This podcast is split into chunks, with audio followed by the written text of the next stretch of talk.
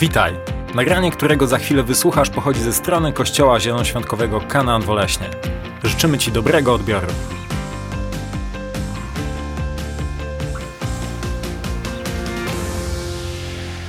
Okej, okay. witam Was wszystkich bardzo, bardzo serdecznie. Jeśli jesteś tutaj pierwszy raz, to pewnie oglądasz wszystko z zaciekawieniem i zastanawiasz się, jaki będzie e, kolejny epizod w tym wszystkim, co się tutaj dzieje. E, kto z was, kto z was dobrze się czuje? Podnieś rękę do góry, jeśli dobrze, ok? Ok, większość z was się dobrze czuje. Tutaj rano się pytałem, jak się czujesz? I ktoś powiedział, źle. Ok?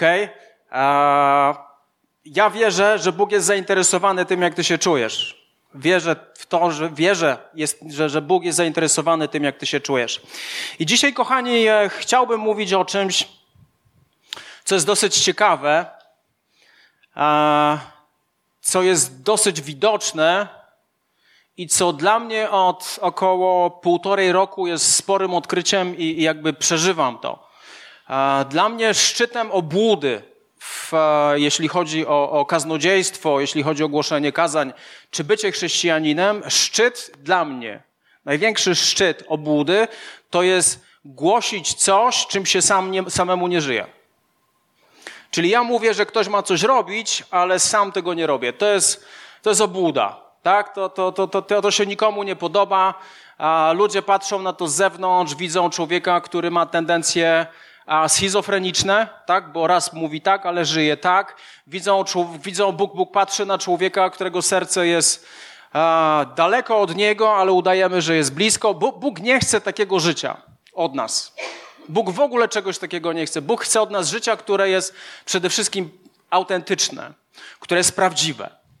I ciekawa historia jest taka w Ewangelii Mateusza w 8 rozdziale, w 23 wersecie, jeszcze tego nie będziecie widzieć. I Biblia mówi tak: Jezus wsiadł do łodzi, jego uczniowie dołączyli do niego. Gdy już byli daleko od brzegu, zerwała się potężna burza i fale przelewały się przez łódź. Dosyć ciekawie. Jesteś, jesteś na łodzi, jesteś w środku jakiegoś, jakiejś dużej wody, czy jeziora, czy morza i zaczyna się potężna burza. Zaczyna się potężna burza. Fale zaczynają nacierać i, i atakować po prostu łódkę.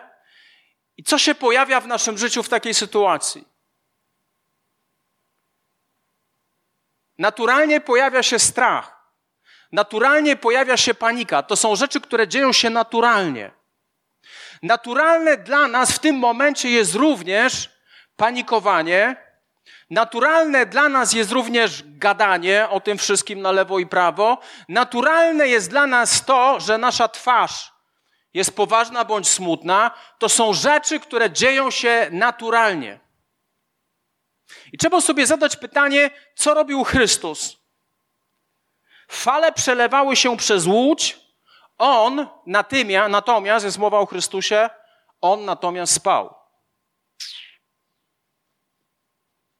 I tak sobie czytałem ten fragment wiele razy i zacząłem się zastanawiać, czy to jest dostępne tylko dla Chrystusa, czy może jest to również dostępne dla ludzi, którzy naśladują Chrystusa.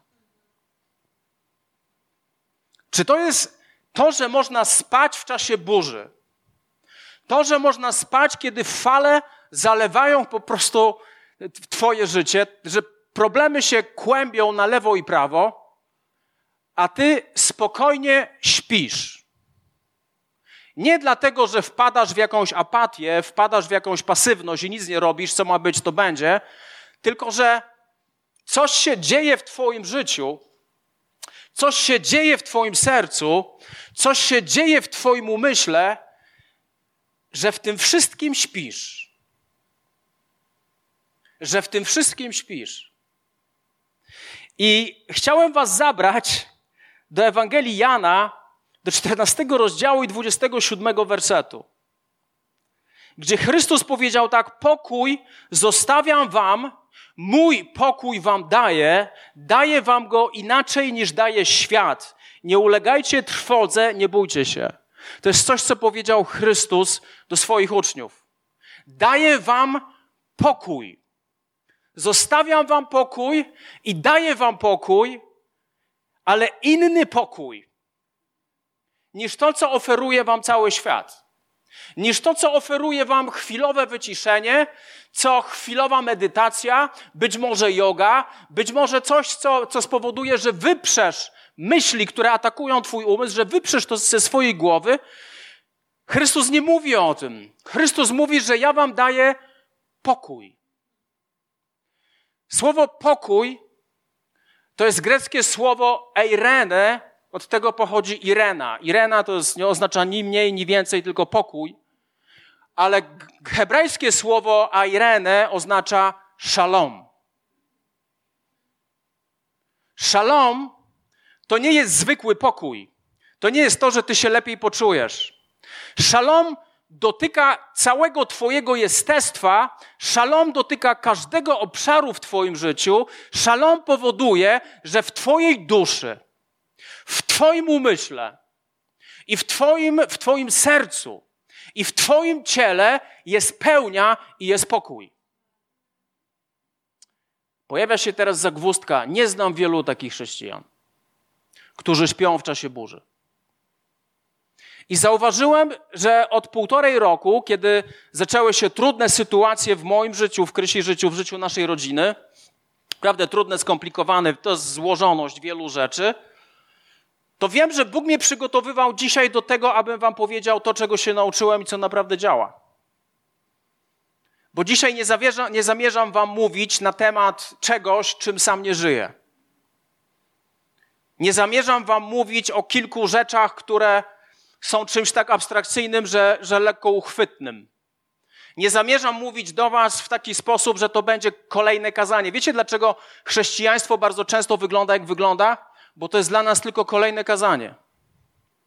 Bo dla nas to jest tylko kolejne kazanie. I dzisiaj to, czym się podzielę z Tobą, to jest coś, co dokonało rewolucji w moim życiu. To, o czym będę mówił, to dokonało rewolucji w moim życiu.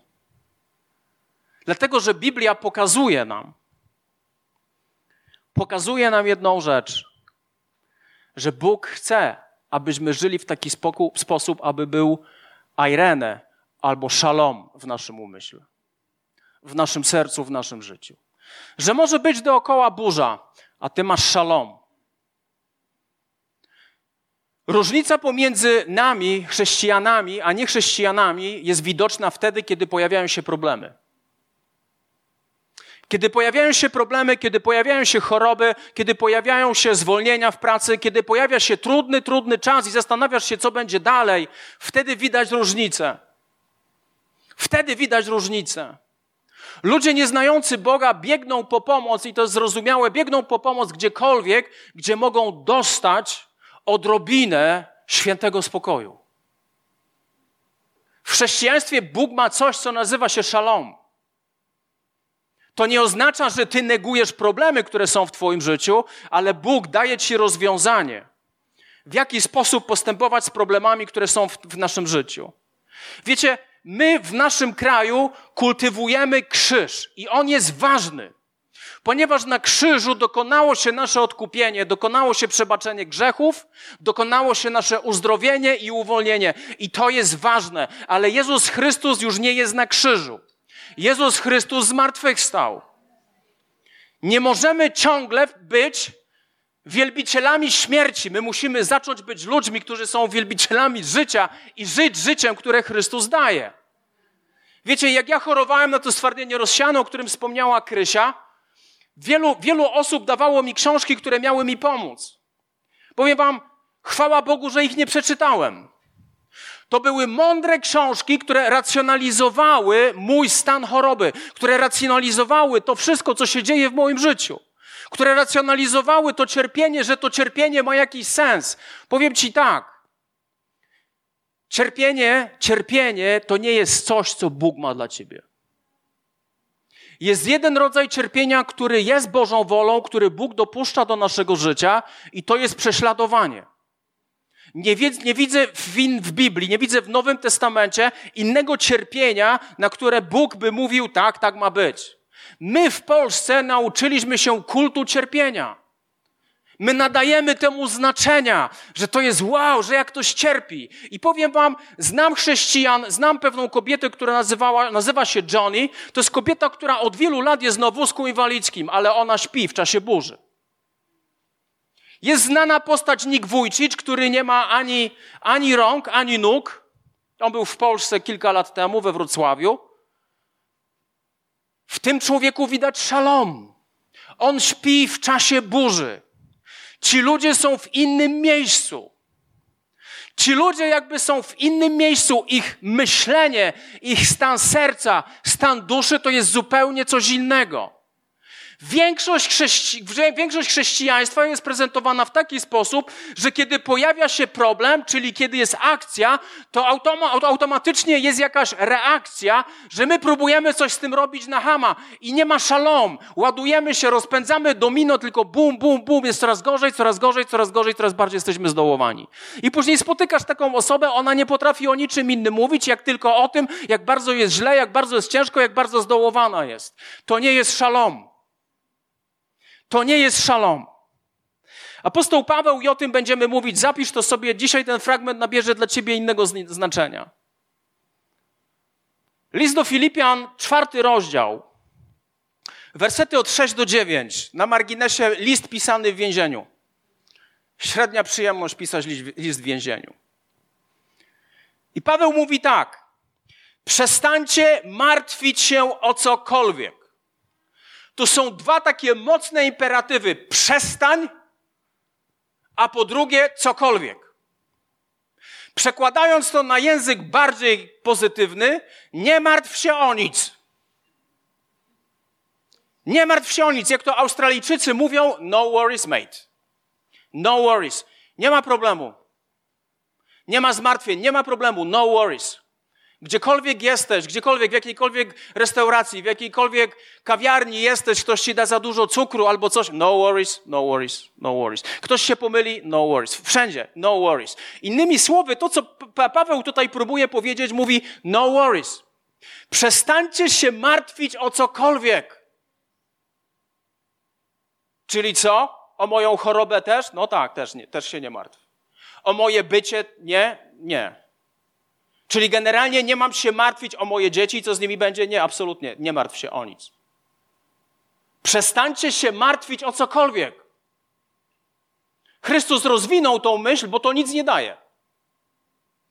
Paweł mówi tak, i na tym się skupimy. Raczej zamiast się martwić, raczej w każdej sprawie, gdy się modlicie i prosicie, z wdzięcznością przedstawiajcie swoje potrzeby Bogu a pokój Boży, którego nie ogarnia żaden umysł, będzie, będzie w Chrystusie Jezusie strzegł waszych serc i będzie strzegł waszych, waszego umysłu, waszych myśli.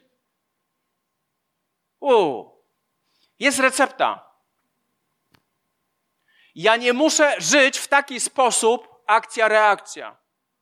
Ja mogę żyć w taki sposób, że jest akcja i jest szalom.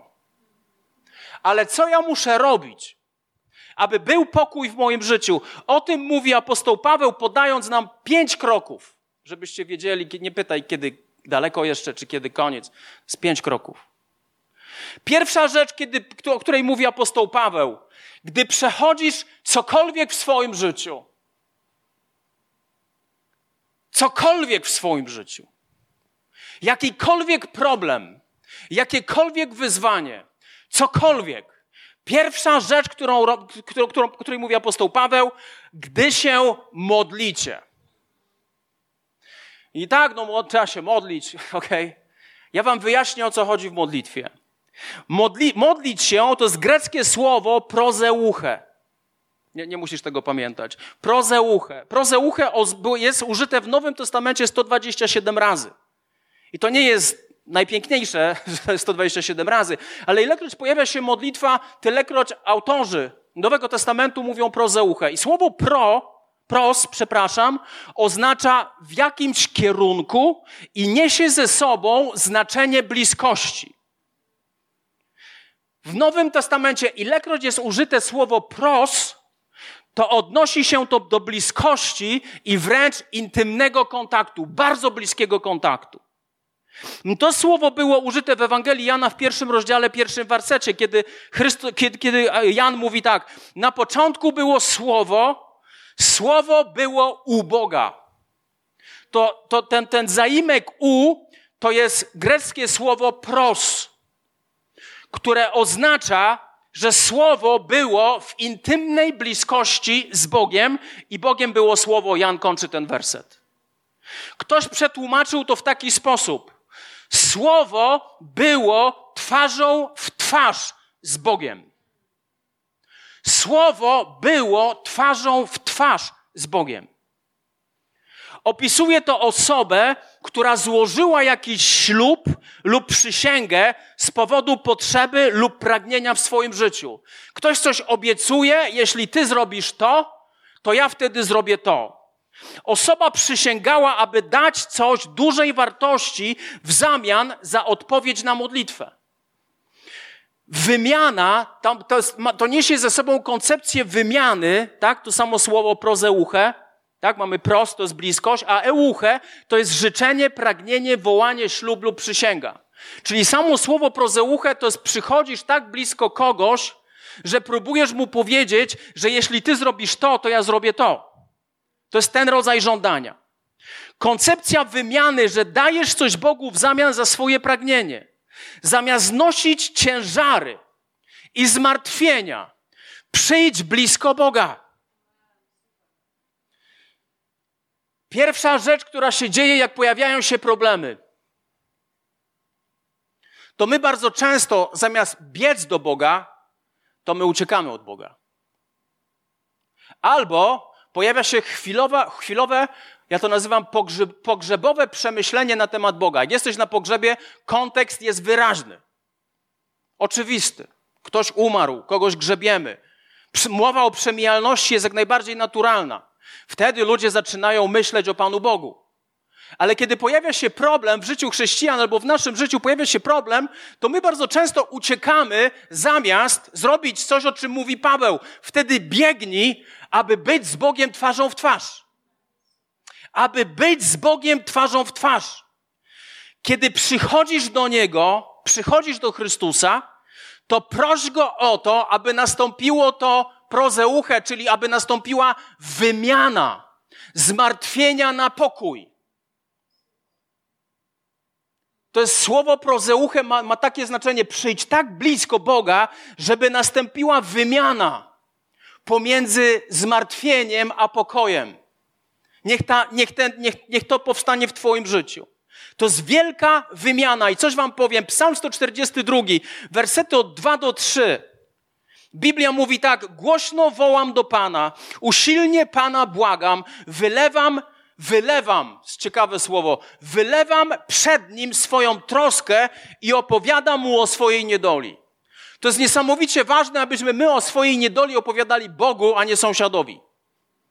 To jest niesamowicie ważne, abyśmy zrozumieli, co to znaczy, co to znaczy wylać przed Nim swoją troskę. Jeśli to jest moja troska, będzie mniejsza trochę. Jeśli to jest moja troska i ja ją wylewam, i ja ją wylewam, powiedz mi, można to zebrać z powrotem? Można to zebrać z powrotem? Można czy nie można? To jest proste. Jak chcesz, to zapraszam. My pójdziemy już do domu, ty będziesz dalej zbierał. Kiedy wylewasz swoją prośbę przed Bogiem, to nie ma możliwości, abyś ją z powrotem zebrał. W takiej samej formie. Mogę trochę z tej, z tej, z tej troski, mogę trochę wziąć i wrzucić do, do, do tej szklanki. Mogę trochę wziąć. Troszeczkę. Ale kiedy wylewasz coś przed Bogiem, to problem się pojawia wtedy, kiedy my poświęcamy całą naszą energię, aby zebrać to teraz, my poświęcamy swój czas i zbieramy to i zbieramy to. Co jest w Twoim umyśle, kiedy zbierasz troskę na nowo do swojego życia? Wiesz, wiesz, wiesz, co to powoduje w Twoim umyśle? Że Ty ciągle myślisz o tym, co zbierasz. I ciągle, i ciągle, i ciągle, i ciągle, i przychodzisz, i zbierasz, i zbierasz, ale się nie da. Psalmista mówi, że jeśli wylewasz swoją troskę przed Bogiem, to nie zbieraj tego. to nie zbieraj tego. Zostaw to Panu Bogu. Zostaw to Panu Bogu. A więc pierwsza, pierwsza rzecz, o której mówi Paweł, to jest to, że gdy się modlicie, gdy następuje to prozeuche, że jesteś tak blisko, tak blisko Boga, że jesteś twarzą w twarz z Bogiem i to jest, kochani, możliwe. Kiedy poddajesz swoje życie Jezusowi Chrystusowi, masz dostęp do Boga. Kiedy twoje życie nie jest poddane Jezusowi Chrystusowi, nie masz dostępu do Boga. Twoje modlitwy kończą się na suficie. Wielu ludzi mówi, nie ma Boga, nie ma Boga, ja się modlę, nic z tego nie ma. Nic z tego nie ma, bo jest sufit nad tobą, bo nie ma relacji pomiędzy tobą a Bogiem, bo jest jedna droga do Boga Ojca i tą drogą jest Jezus Chrystus. Twoje życie, jeśli nie, nie jest poddane Jezusowi Chrystusowi, to jest tylko czcza religijność. Chodzisz do kościoła tydzień w tydzień albo kiedy wypada. Chodzisz, chodzisz, modlisz się od czasu do czasu, a później jesteś rozczarowany Bogiem. Powiem ci więcej. A myślisz, że Bóg nie jest rozczarowany tobą? Bóg mówi: Ja mam wszystko dla ciebie, tylko przyjdź. Możemy przyjść do Boga i prosić Go o to, możemy być tak blisko Niego, że możemy prosić Go o to, aby nastąpiła ta wymiana. Zamiast zmartwienia dostaniesz pokój. I to nie jest fikcja. Ja mówię Wam o czymś, czym żyję. Mówię Wam o czymś, czym żyję. Żyję w świecie wymiany, zmartwienia na pokój. Uczę się spać w czasie burzy. Nie, nie, nie nauczyłem się jeszcze spać, kiedy, kiedy sąsiedzi się dobrze bawią, ale generalnie w czasie burzy uczę się spać. Druga rzecz, o której mówi apostoł Paweł, najpierw mówi, gdy się modlicie, a druga rzecz, o której mówi, gdy się modlicie i co robicie? I prosicie. Prosić to jest greckie słowo deisis. I to greckie słowo deisis obrazuje osobę, która ma jakiś brak i dlatego mocno prosi, aby tego braku nie było. Przychodzę do Boga, jestem z Nim twarzą w twarz, wylewam przed Nim swoją prośbę, wylewam to przed Nim, zostawiam to Jemu i w tym momencie dochodzi do czegoś niesamowitego. Następuje wymiana zmartwienia na Boży pokój, na Boży szalom. I dalej Paweł mówi, dalej Paweł mówi i prosicie. I to jest osoba, która ma jakiś brak i dlatego mocno prosi, aby tego braku nie było. Osoba jest tak bardzo zdesperowana i w tak olbrzymiej potrzebie i dlatego usuwa swoją pychę na bok, aby wołać i błagać odważnie o pomoc. To jest zdesperowane proszenie Boga o zmianę sytuacji. To jest zdesperowane wołanie do Boga o zmianę sytuacji. List Jakuba, 5 rozdział, 16 werset, Biblia mówi tak: Wyznawajcie sobie nawzajem upadki i módlcie się jedni za drugich, abyście byli uzdrowieni. Wiele może usilna modlitwa sprawiedliwego. Ta usilna modlitwa to jest właśnie, właśnie greckie deisis. I to pokazuje tą desperację desperację, aby przyjść do Boga i wołać do Niego, aby nastąpił przełom. Wiecie, jak my się bardzo często modlimy, Panie, i Ty widzisz też to, że tu, no, że tu jest ciężka sytuacja, Panie, jakbyś mógł coś z tym zrobić. To nie jest modlitwa, to jest mamrotanie. Paweł mówi o konkretnym zaangażowaniu.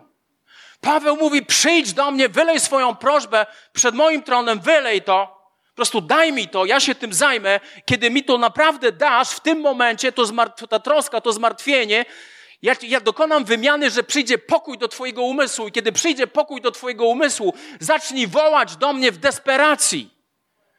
I kiedy pojawiały, pojawiały się problemy półtorej roku temu i, i, pół roku temu i rok temu, kiedy to wszystko było nad, nad, nad naszym życiem z Krysią bardzo mocno, nad całą naszą rodziną, to powiem Ci, modlitwa moja była zupełnie inna, bo ona była zdesperowana.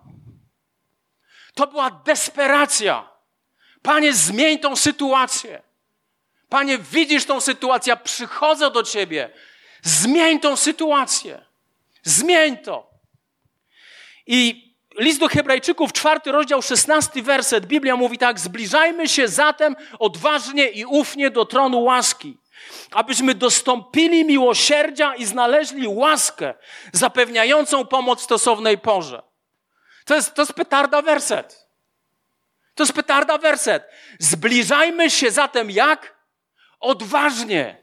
Nie jak jakieś ciumki, nie jak jakieś robaki, które przepraszają, że żyją, ale odważnie.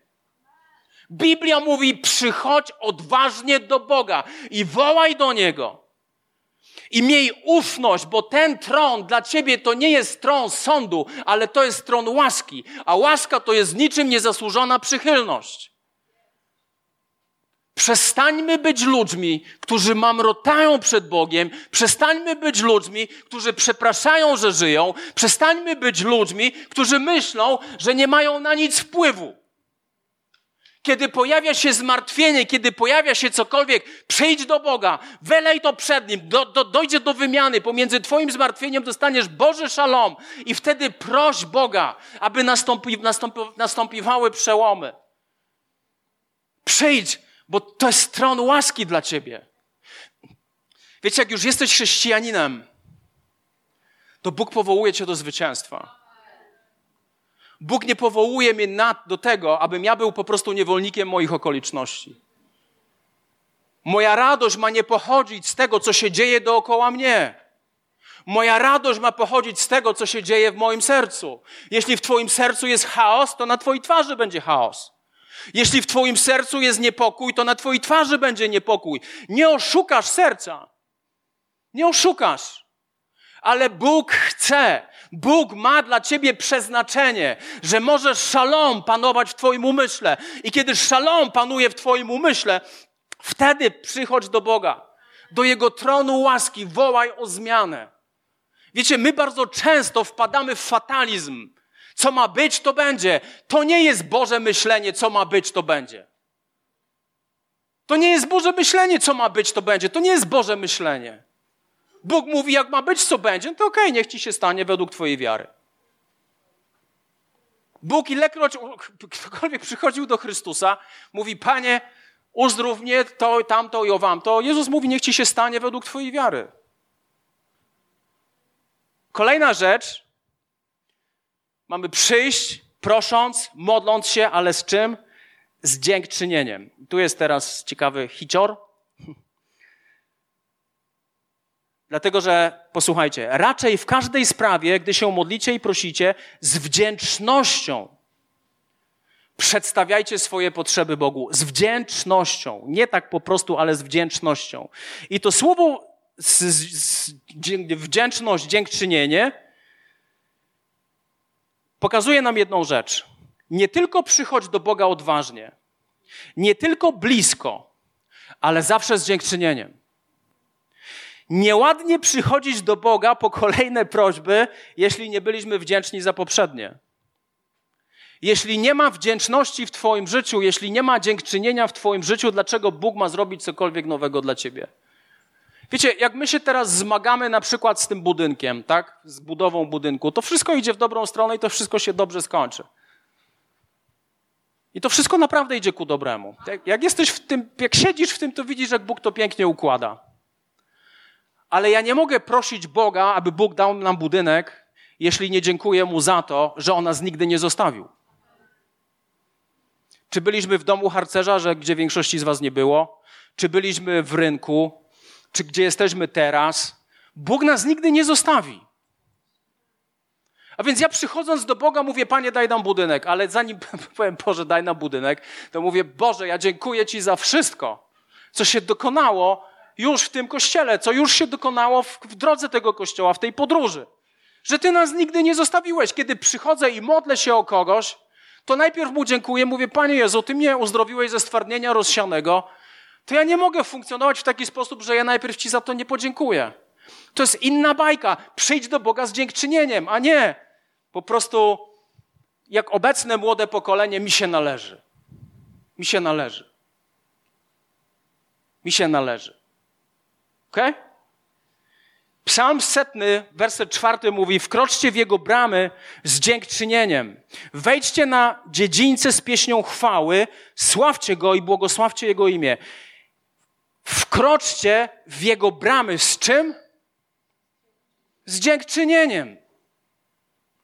Wiecie, my bardzo często nie funkcjonujemy w dziękczynieniu, co widać po naszych twarzach. Naprawdę, to widać. Człowiek smutny nie jest wdzięczny. Człowiek smutny nie jest wdzięczny. Wdzięczność powoduje w Twoim życiu to, że nie dość, że daje Ci to wewnętrzną radość, nie dość, że pokazuje Ci, że Bóg był z Tobą zawsze. On Cię nigdy nie zostawił. Wiecie, ja żyję świadomie z Bogiem 24 lata i On mnie nigdy nie zostawił. On śpiewaliśmy, On mnie nigdy nie zawiódł. On rzadko kiedy przychodzi w czasie, w którym ja chcę, ale przychodzi w Jego czasie, czyli w najlepszym czasie.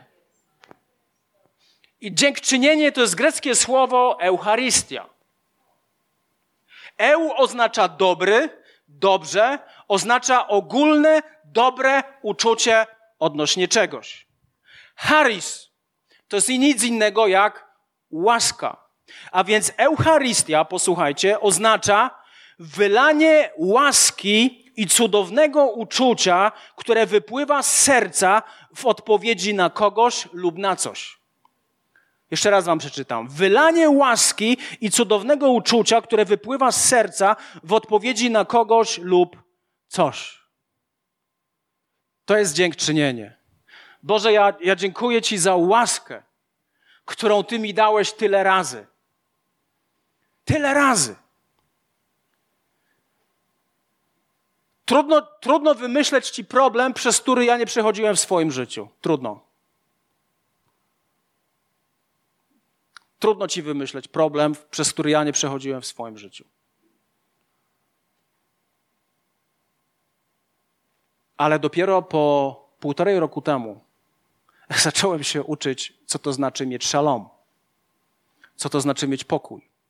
To jest uczucie, jakbyś był poza tym wszystkim i masz totalne zaufanie, że jest Bóg, jest Król Królów, który jest z Tobą i On Cię nigdy nie opuści. Chciałbym, żebyś posłuchał teraz tego, co, co mojej deklaracji. W moim życiu zawsze wszystko będzie dobrze. W moim życiu, w moim życiu mój Bóg mnie nigdy nie opuści. W życiu tego kościoła będzie dobrze. Dlatego, że Bóg nas nigdy nie zostawi. Możesz żyć z taką mentalnością, a możesz żyć z mentalnością, że reagujesz na to, co się dzieje dookoła ciebie. Mało nam już strachu w Polsce? Wszyscy teraz drżą przed deltą, limbdą, omegą i, i cały, cały grecki alfabet. Możesz mieć szalom. Możesz mieć szalom. Możesz mieć pokój w swoim umyśle. Możesz mieć pokój w swoim sercu. Że cokolwiek się będzie działo, Bóg widzi, ja jestem w Jego woli. Czy masz tą pewność? Czy jesteś zdany na to, jak jest burza, to jest panika. Ciężki, ciężki czas, ciężki czas, byle już minął, ciężki czas. To nie jest chrześcijaństwo. Chrześcijaństwo to jest życie, że śpisz w czasie burzy. A dlaczego śpisz? Bo jest szalom. A dlaczego jest szalom? Bo ufasz. Więc Paweł mówi: przyjdźcie z dziękczynieniem. Przyjdźcie z dziękczynieniem, prosząc Boga o cokolwiek. Dziękuj Mu za to, co On zrobi. To jest taki paradoks. Z jednej strony modlisz się, aby Bóg coś zrobił, a z drugiej strony dziękujesz Mu za to, że On to zrobi. Skąd mam wiedzieć, co Bóg zrobi? Skąd mam wiedzieć, że Bóg coś zrobi? Po pierwsze, z lektury Bożego Słowa. Kiedy czytam Biblię, to wiem, że Bóg co, to zrobi, co obiecał w Bożym Słowie. Ja opieram się na Jego Słowie. Ja opieram się na tym, co On objawił w swoim Słowie. A druga rzecz jest taka, że jeśli jestem z Bogiem twarzą w twarz, jeśli jestem blisko, to znam Jego serce. Dlatego Psalm 37, werset 4, Biblia mówi tak. Rozkoszuj się Panem, a spełni pragnienia Twojego serca. Rozkoszuj się Panem, a Bóg spełni pragnienia Twojego serca. Zauważcie, Bóg nie mówi, ja spełnię pragnienia Twojego serca. Bóg spełni pragnienia Twojego serca, jeśli najpierw nauczyłeś się rozkoszować Panem.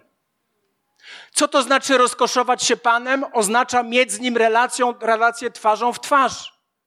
Człowiek, który ma relację twarzą w twarz, który jest blisko Boga, nigdy nie będzie go prosił o nowy jacht. Nigdy nie będzie go prosił o to, aby mógł polecieć na księżyc, ale będzie go prosił o rzeczy, które on będzie rozumiał, które są w Bożym sercu i które są w Bożym Słowie. To jest inny rodzaj modlitwy. Modlisz się o coś i Bóg mówi: Dziękuj mu już za to, że to się stanie. To się nazywa wiarą, o której Grzesiu mówił tydzień temu. Dziękuj mu za to, o co się modlisz. Ok? Dziękuj mu za to. Czwarta rzecz, o której mówi Paweł, tak, zbliżamy się do końca. Ma to jakiś sens dla ciebie? Powiedz zupełnie otwarcie. Jak drżysz, jak jest burza, to jak mówi mój przyjaciel, nie znasz Boga. Mój, przyja- mój, mój przyjaciel, który jest pastorem e, kościoła we Wrocławiu, Mirek Klekot, były doradca prezydenta Wrocławia, przyszedł do niego kiedyś pewien młody człowiek. I przyszedł ten młody człowiek i mówi: Od sześciu lat jest, siedzę w pornografii. Nie potrafię się podniecić moją żoną. Moja żona rozbiera się do naga, a ja nie potrafię się podniecić. Musiałem was jakoś rozerwać, mówiąc o tym. Jak ludzie przysypiają, to mówisz coś takiego i wszystko się zmienia. Człowiek miał tak zryty mózg pornografią, że nie był w stanie się już podniecić. Nie był w stanie. Jak się to skończyło? Małżeństwo się rozeszło. Bo to małżeństwo nigdy nie było skonsumowane. Nigdy. Nigdy. Jaka była rada mojego przyjaciela, pastora Mirka Klekota? Mówi człowieku, ty nie znasz Boga. Ty nie znasz Boga. Doświadczasz tego, co doświadczasz, bo nie znasz Boga. A jak nie znam Boga? Jestem chrześcijaninem. Mówi, to nie ma znaczenia, ty go nie znasz. Nie znasz Boga. I kiedy ten człowiek zbliżył się do Boga twarzą w twarz i zaczął go poznawać, doświadczył wolności. Jest wolny od pornografii już wiele, wiele lat. Wiele, wiele lat. Wszedł w nowy związek małżeński, dlatego że tamto małżeństwo nigdy nie zostało skonsumowane. Sąd jakby totalnie dał temu, no, no tak, no małżeństwo nie zostało skonsumowane, także legalny rozwód. Kiedy nastąpił ten legalny rozwód, on dzisiaj jest w związku małżeńskim i wszystko działa tak, jak powinno. Skracając historię. Jeśli rozkoszujesz się Bogiem, jeśli spędzasz z Nim czas, to Bóg da Ci pragnienia Twojego serca, bo Twoje serce zaczyna łapać to, co jest w Jego sercu. Dlatego ja nie muszę pytać Pana Boga, czy Bożą wolą jest uzdrowić, bo Boże Słowo mówi do mnie, że Bóg chce uzdrowić. Ja nie muszę się pytać, Panie Boże, czy Ty chcesz tą osobę uzdrowić z raka, dlatego że Boże serce jest takie, że On jest uzdrowicielem, On jest Jachwę Rafa, On jest tym, który uzdrawia. Ja nie muszę się zastanawiać, czy Bóg się o mnie zatroszczy, bo On jest moim pasterzem. I tak dalej, i tak dalej, i tak dalej. Zacznij się modlić z dziękczynieniem. Dziękując Bogu, że to już się stało, cokolwiek jest w Twoim życiu. I to słowo, i kolejna rzecz, o której mówi Paweł, z wdzięcznością przedstawiajcie swoje potrzeby Bogu. I mamy kolejne greckie słowo, dzisiaj tak mądrze jest, prawda? Potrzeby to jest greckie słowo aitima, które pochodzi od słowa aiteo i w Nowym Testamencie aiteo ilustruje osobę, która nalega i pragnie, aby jej potrzeba była zaspokojona po tym, jak zbliża się i rozmawia z kimś ważnym i wysokim rangą. To jest prośba. Aiteo oznacza osobę, która nalega i pragnie, aby jej potrzeba była zaspokojona po tym, jak zbliża się i rozmawia z kimś ważnym i wysokim rangą. Kiedy by, gdybyś stanął przed prezydentem Polski, to jest naprawdę ktoś bardzo wysoki rangą. I kiedy ty masz jakąś prośbę do niego i nalegasz, i nalegasz, i nalegasz, i nalegasz, i wołasz, i nalegasz, to jest właśnie to greckie słowo aiteo. Wyraża ideę, jak ktoś w pełni oczekuje tego, o co wcześniej poprosił. Osoba, która modli się z autorytetem, wiedząc jaka jest wola i pragnienie Boga, wie czego potrzebuje i jest pełna wiary, nie boi się i dlatego odważnie przychodzi do Boga. Prośba, kiedy przychodzisz z prośbą do Boga, to masz pełen autorytet. Jeśli należysz do Niego, masz pełen autorytet i prawo wołać do Niego. On jest wysoko postawioną rangą, nie ma wyższej rangi niż sam Bóg, ale możesz wołać i wołać, wołać do Boga, oczekując, że On to zrobi, bo Ty wiesz, jaka jest Jego wola. Ok? I kolejna rzecz, ostatnia rzecz, piąta. Przedstawiajcie swoje potrzeby, swoje prośby Bogu.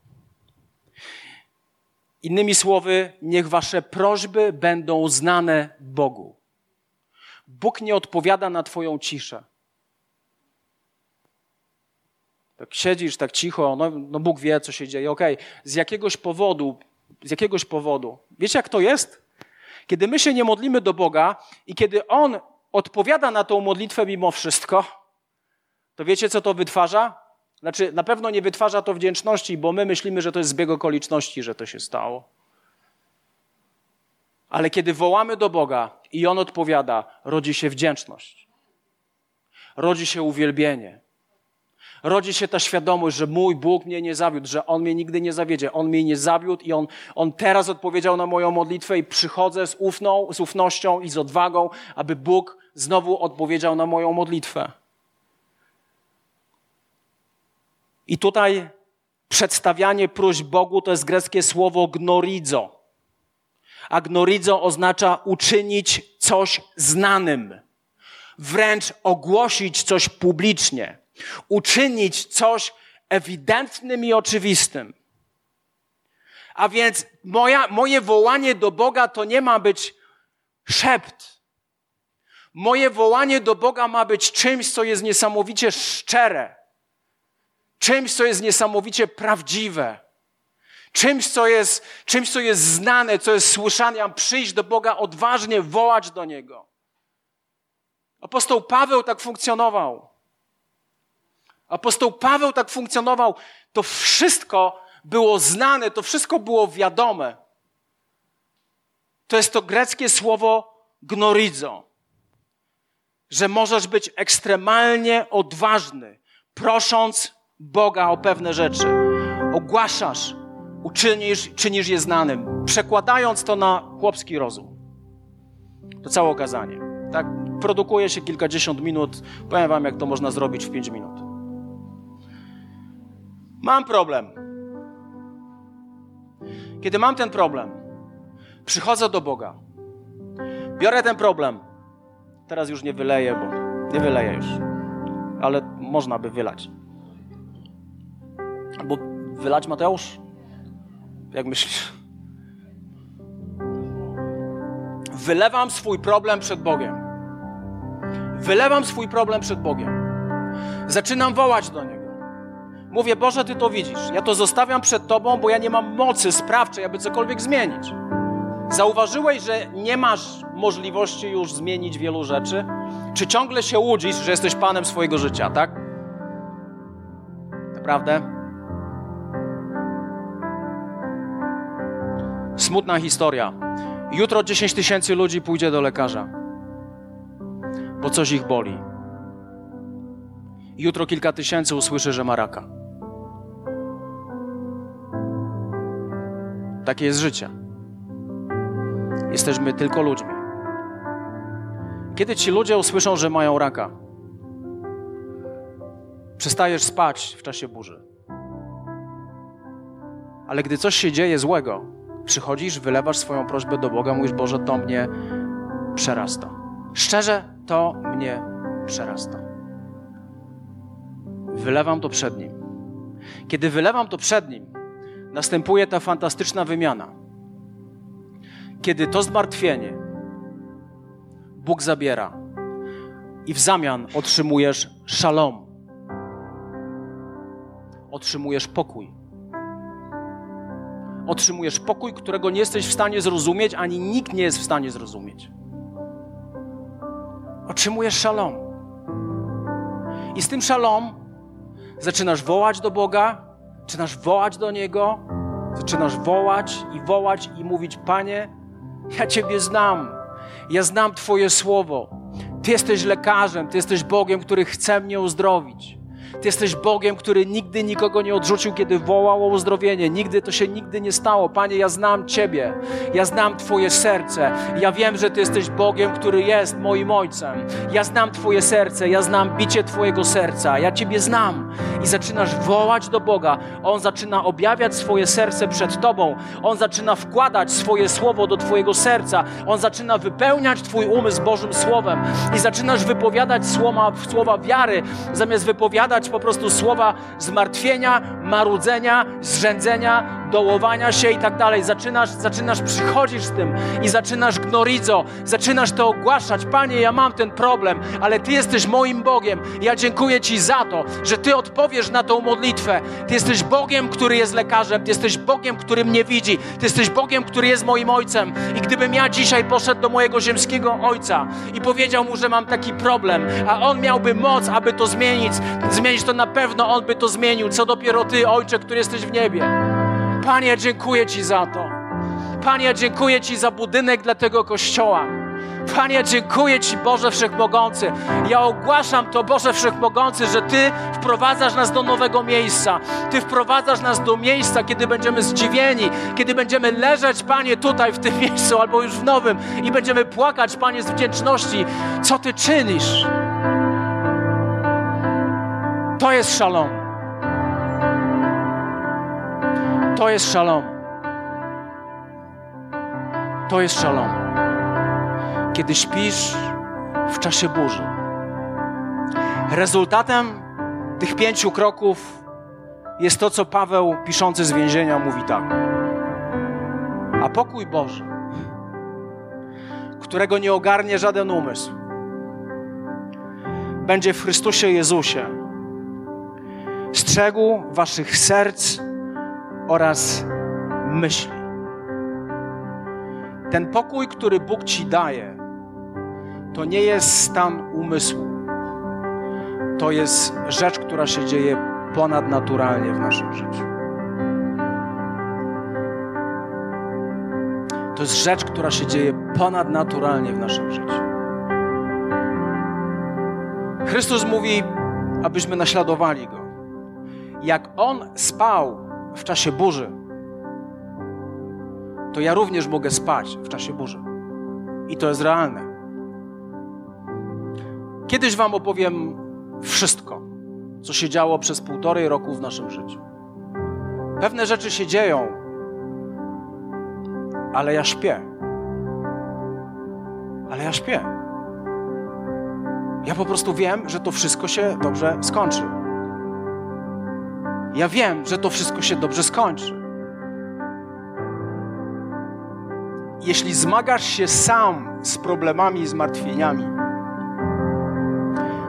jesteś za słaby.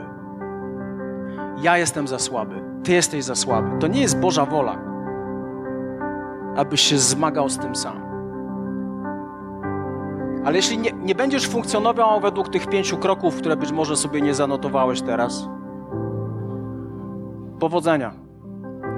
Będziesz znowu reagował na wszystko, co się dzieje dookoła Twojego życia. Wiecie, ja im starszy jestem, tym bardziej imponują mi ludzie, którzy przeszli przez piekło, ale w ogóle nim nie pachną. Ale to są ludzie, którzy są w ciągłym, w ciągłym szalom. Jakby te rzeczy działy się dookoła nich, a oni idą w niesamowitej pewności.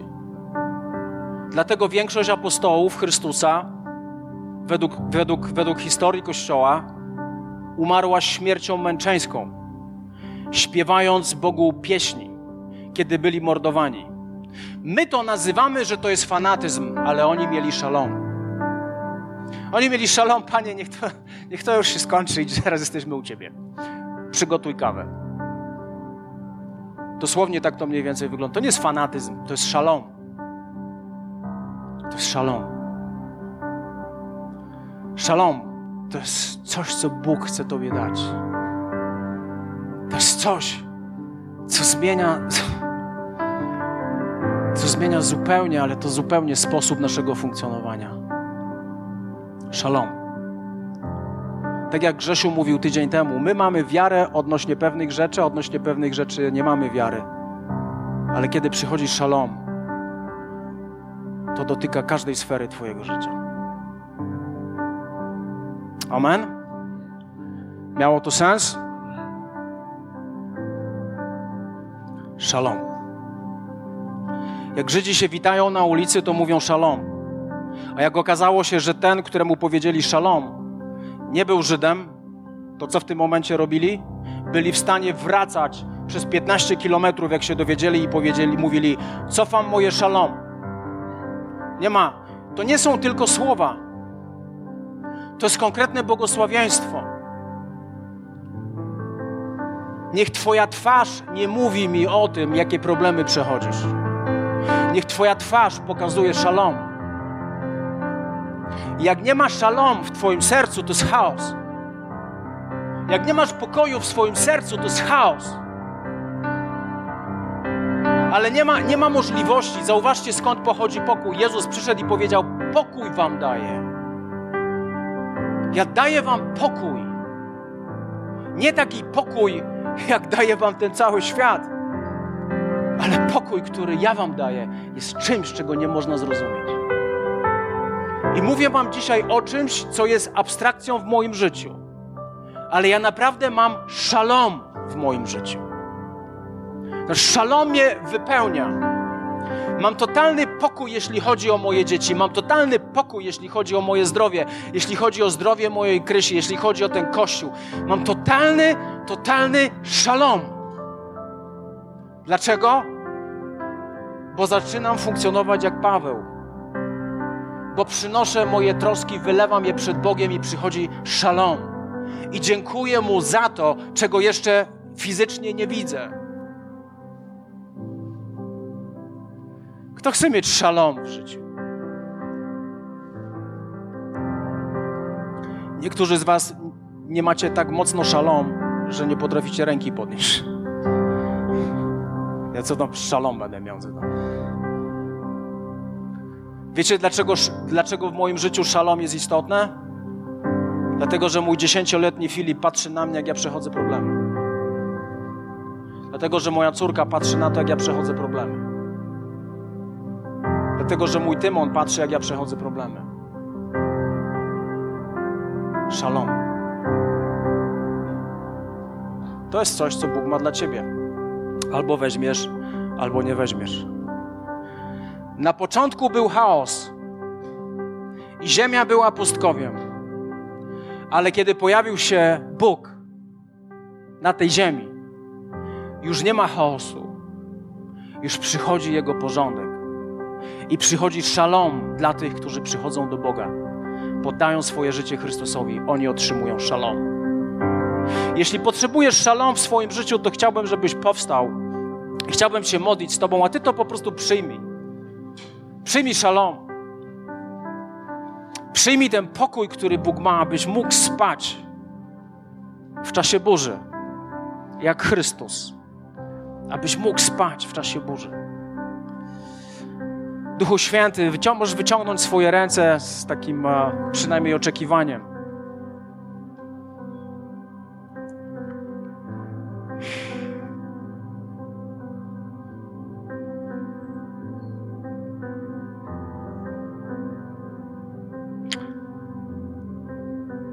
Czy jest ktoś z nas w takiej sytuacji, że jest ci naprawdę bardzo, bardzo ciężko? Powiedziałbym podnieść rękę, ale to raczej nie będzie miało większego sensu, bo możesz się wstydzić podnieść rękę, ale jesteś w tak ciężkiej sytuacji, że to, co ja mówię do ciebie, możesz mi powiedzieć, fajnie się mówi, ale ja byłem w miejscu, gdzie nie spałem w czasie burzy. I wiem, co to znaczy nie spać w czasie burzy. I wiem, co to znaczy spać w czasie burzy. Kto, kto, kto z nas jest w takim miejscu, że czujesz, że, że wiesz, że to było dla ciebie, ale jest ci tak trudno, tak trudno cokolwiek z tym zrobić. Po, podnieś rękę do góry. Bądź, okej, okay, okej. Okay. Okay, dzięki za waszą szczerość. Halleluja, Panie Jezu, ja modlę się teraz o każdą osobę, która tutaj jest. Ja modlę się, Duchu Święty, teraz o każdą osobę, która tutaj jest. Panie, my dzisiaj przychodzimy do Ciebie i wylewamy, Panie, nasze serca przed Tobą i nasze troski, nasze zmartwienia przed Tobą. Niech przyjdzie Twój pokój. Dokonaj wymiany ze zmartwienia na Twój szalom, na Twój pokój. Panie, niech przyjdzie, przyjdzie Twoja łaska. Panie, my nie mamy wpływu na to, co się dzieje w naszym życiu.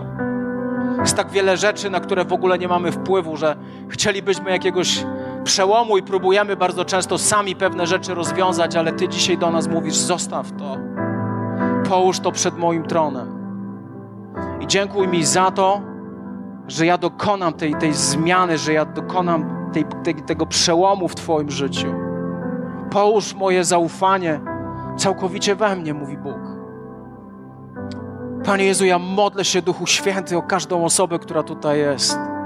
O każdą osobę, która jest ciągle, ale to ciągle zatroskana różnymi rzeczami, że nasze serca, Panie, są, nasze umysły są wypełnione ciągle i ciągle różnego rodzaju troskami. Niech przyjdzie Twój ponadnaturalny szalom, Panie Jezu. Niech przyjdzie Twój pokój. Pokój, którego nie można zrozumieć pokój, którego nie da się ogarnąć, pokój, którego nie da się wyprodukować. Niech przyjdzie Twój szalom, Panie Jezu. Niech przyjdzie Twoja łaska, niech przyjdzie Twoja moc, niech przyjdzie Twój przełom. I Panie, my chcemy całkowicie, ale to całkowicie zaufać Tobie. Całkowicie zaufać Tobie. Całkowicie położyć, Panie, nasze troski przed Tobą. Duchu Święty, Duchu Święty, niech przyjdzie Twoja łaska. Niech przyjdzie Twoja łaska, Królu nasz. Halleluja, niech przyjdzie Twoja łaska. Jeśli jest coś, co cię tak bardzo męczy, jeśli jest jakieś takie mocne zmartwienie, to, to, to zrób coś takiego, klęknij przed Bogiem. Tam, gdzie jesteś, nie bój się. Klęknij przed Bogiem i po prostu złóż to przed Jego tronem. Nie bój się tego. Klęknij przed Bogiem. Nie bój się tego. Nie bój się tego. To jest wyraz uniżenia przed Bogiem, to jest wyraz poddania. Panie Boże, ja już, ja już nie daję rady, ja, ja chcę mieć szalom, ja oddaję dzisiaj to wszystko w Twoje ręce. Panie Jezu, błogosław, błogosław każdą osobę, Duchu Święty. Błogosław każdą osobę, Panie, których serce jest złamane. Błogosław każdą osobę, Panie, która uklęknęła teraz przed Tobą. Niech przyjdzie Twój pokój, Duchu Święty. Niech przychodzi Twój pokój, Duchu Święty. Niech przychodzi Twój pokój, Twój szalom, Twoje, Twój spokój, Twoja łaska. Przejdź, Duchu Święty, dotknij naszych umysłów. Dotknij naszych umysłów teraz, Panie, w imieniu Jezusa Chrystusa. Dotknij naszych umysłów, Duchu Święty. Dotknij naszych umysłów. Niech przyjdzie Twoja łaska, niech przyjdzie Twoja moc. Halleluja, Duchu Święty. Halleluja, Duchu Święty. Być może jesteś w tym miejscu jeszcze nigdy w Twoim życiu. Nie było takiego momentu, że poddałeś swoje życie Jezusowi Chrystusowi że powiedziałeś, drogi Jezu, ja, ja potrzebuję Ciebie w moim życiu. Drogi Jezu, ja wiem, że jestem grzesznikiem, że wiele złych rzeczy, Panie, wiele złych rzeczy dokonało się w moim życiu, że popełniłem wiele błędów, ale ja potrzebuję Ciebie, ja nie chcę żyć bez Ciebie. Jeśli chcesz dzisiaj przyjść do Chrystusa, jeśli chcesz Mu dzisiaj poddać swoje życie, jeśli chcesz Mu dzisiaj poddać swoje życie, to proszę pomóc się ze mną taką prostą, zwyczajną modlitwą Bóg dzisiaj puka do Twojego serca. On puka do Twojego serca i mówi: Jeśli mnie zaprosisz, dostąpisz szalom. Jeśli mnie zaprosisz, dostąpisz szalom, dostąpisz pokoju, którego nie, da się, którego nie jesteś w stanie zrozumieć. Jeśli jesteś tą osobą, która chce podarzyć się Jezusowi, proszę pomóc się ze mną. Drogi Jezu, ja przychodzę do Ciebie i chcę Cię prosić, abyś przebaczył mi każdy mój grzech, abyś oczyścił moje serce, abyś oczyścił mój umysł. I przebacz mi każdy mój grzech. Ja od dzisiaj decyduję, że moje życie należy do Ciebie, że chcę być poddany Tobie.